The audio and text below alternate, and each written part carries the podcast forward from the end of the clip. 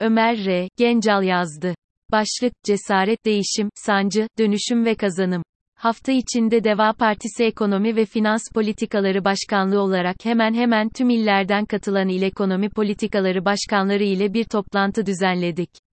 Teşkilattan gelen çok kıymetli fikir ve görüşleri dinlemek, bölge insanlarının günümüz koşullarında ekonomi ve gündelik hayattaki yaşadığı zorlukları birincil ağızlardan dinlemek çok faydalı oldu. Hayat pahalılığı, geçim sıkıntısı, iş adamlarının geleceğe dair endişeleri, yatırım ve üretimde bizi bekleyen negatif tablo, işsizliğin hangi boyutlara çıkabileceği aktarılanların ortak noktasını oluşturuyordu. Özellikle Doğu ve Güneydoğu Anadolu katılımcılarının bizlerden beklentileri ve bu konudaki istekleri bana göre toplantıda dile getirilenler içinde en çarpıcı olanlardı. Bunlardan bir tanesi bana göre en dikkat çekici olanıydı. Genel başkanlar, ekonomistler, finansçılar, tüm muhalif parti ekonomi başkanları, Türkiye'nin artan risk primini gösterebilmek, sorunlara dikkat çekebilmek için son dönemlerde CDS'i yani kredi temerrüt takasını sıkça dile getirdiler. Doğu illerimizden bir temsilci, sizler çıkıp artan CDSMİDİS diyorsunuz ama halk ne anlama geldiğini anlamıyor, lütfen halkın düzeyine inin, onların anlayabileceği şekilde bir şeyler anlatın, sonuçlarını daha açık seçik ifade edin ki bir karşılık bulsun, diyerek görüş ve isteklerini iletti. Her türlü veriyi yılların tecrübesiyle yorumlayabiliyor ve açıklamalar yapabiliyoruz. Belki de yorumlarımız bizlere halk nezdinde elitist bir görüntüde veriyor olabilir. Bu konuda da eleştirildiğimizi söylemekte sakınca görmüyorum.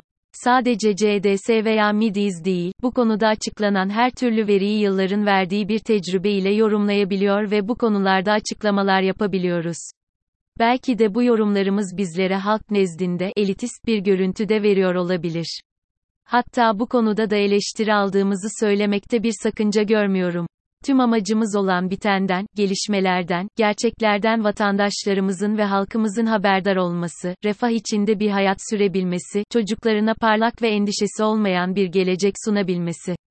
Bunları gerçekleştirebilmek için de çözümler üzerinde çalışıyor. Bunları uygulayabilmek için de iktidarda söz sahibi olmak için vatandaşımızı ikna etmeye çalışıyoruz. Görüş ve isteklerini dile getiren teşkilat üyemiz ve yöneticimiz çok haklıydı. Söylediklerini düşününce bizlerin üzerine hep vurgu yaptığımız konuları sokaktaki vatandaşa nasıl basit bir dille anlatabileceğimiz hakkında düşünmeye başladım. Bunu yaparken popülist bir söylem geliştirmemek ve geçtiğimiz dönemi eğmeden, bükmeden, abartmadan, sadece veriler ve gerçeklerle anlatabilmek adına yol yöntem izlenmesi gerektiğini düşündüm. Çözülmesi gereken büyük bir sorunlar yumağı ile karşı karşıyayız. Üstelik bu sorunlar zaman geçtikçe daha da büyüyor. Bu sorunlar yumağı sadece benim veya etrafımdaki birkaç kişinin değil. Bu sorunlar yumağı bugün iktidarı elinde bulunduran partilere oy vermiş vatandaşlarımızın da sorunları. Çözümü, hepimizin kendi içinde ortaya koyacağı liderlikle mümkün. Liderlik nereden çıktı diyebilirsiniz. Bunun için lider kimdir onu tanımlamak gerekir diye düşünüyorum. Bunca yıllık yaşadığım deneyim lideri şu şekilde tanımlıyor bana. Öz bilinci ve farkındalığı yüksek öğreten ve öğrenen ilham veren empati yapan cesaretle sorunların üzerine giden ve cesurca aksiyon alan ve gerektiğinde kararlılıkla ilke ve değerlerinin arkasında durabilen kişidir lider. Bu maddeleri tek tek göz önüne aldığımda, içinde bulunduğumuz sorunlardan kurtuluş için emek ve çaba harcamamız gerektiği sonucuna varıyorum. Ne için mi? Değişim için. Zor, zahmetli ve sancılı olacağını da biliyorum. Ama gerçekten lider olmak zorundayız.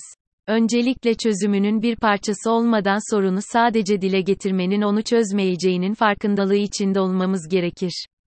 Söylenenleri, dile getirilenleri anlamak, neden-sonuç ilişkileri konusundaki çerçeveyi çizerek bizlere nihai etkilerini öğrenmeye hevesli olmalı, sadece öğrenmek değil etrafımızdakilere de öğretmek için çaba sarf etmeliyiz çalışmalarımızla, düşüncelerimizle ve iletişimimizle ilham veren, başkalarının davranışlarından gözlemlediklerimizle ilham alan, böylece etrafına güven veren kişiler olmalıyız.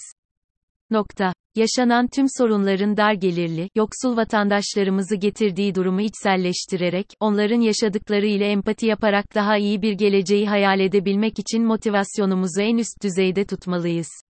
Cesur olmadığımız, cesaretle çözümün bir parçası olmadığımızda, zincir halkasında ben de olmalıyım eğer ben yoksam hep bir eksikler diye düşünmedikçe sorunların çözüme kavuşmayacağının bilinci içerisinde hareket etmeliyiz. Tüm bunları yaparken de önümüze çıkan engeller, yolumuzdan çevirebilecek etkenleri düşünerek hep ilke ve değerlerimizle hareket etmeliyiz. Yukarıda saydığım tüm bu maddelerin yapılmasının ve gerçekleştirilmesinin zor olduğunun farkındayım. Ama değişim böyle bir şey. Lider olarak doğulmaz ama lider olunur cümlesi de bu düşünceden çıkan bir olgu. Sancıları, sıkıntıları, emeği çok. Fakat sonu çok mutlu. Hepimiz sonucu mutlulukla devam edecek bir hikaye yazabiliriz.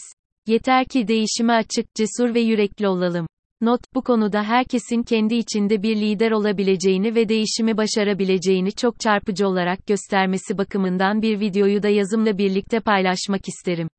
Bu konu hakkında detaylı bir yazıyı da siz sevgili okuyucularla yakında paylaşacağım.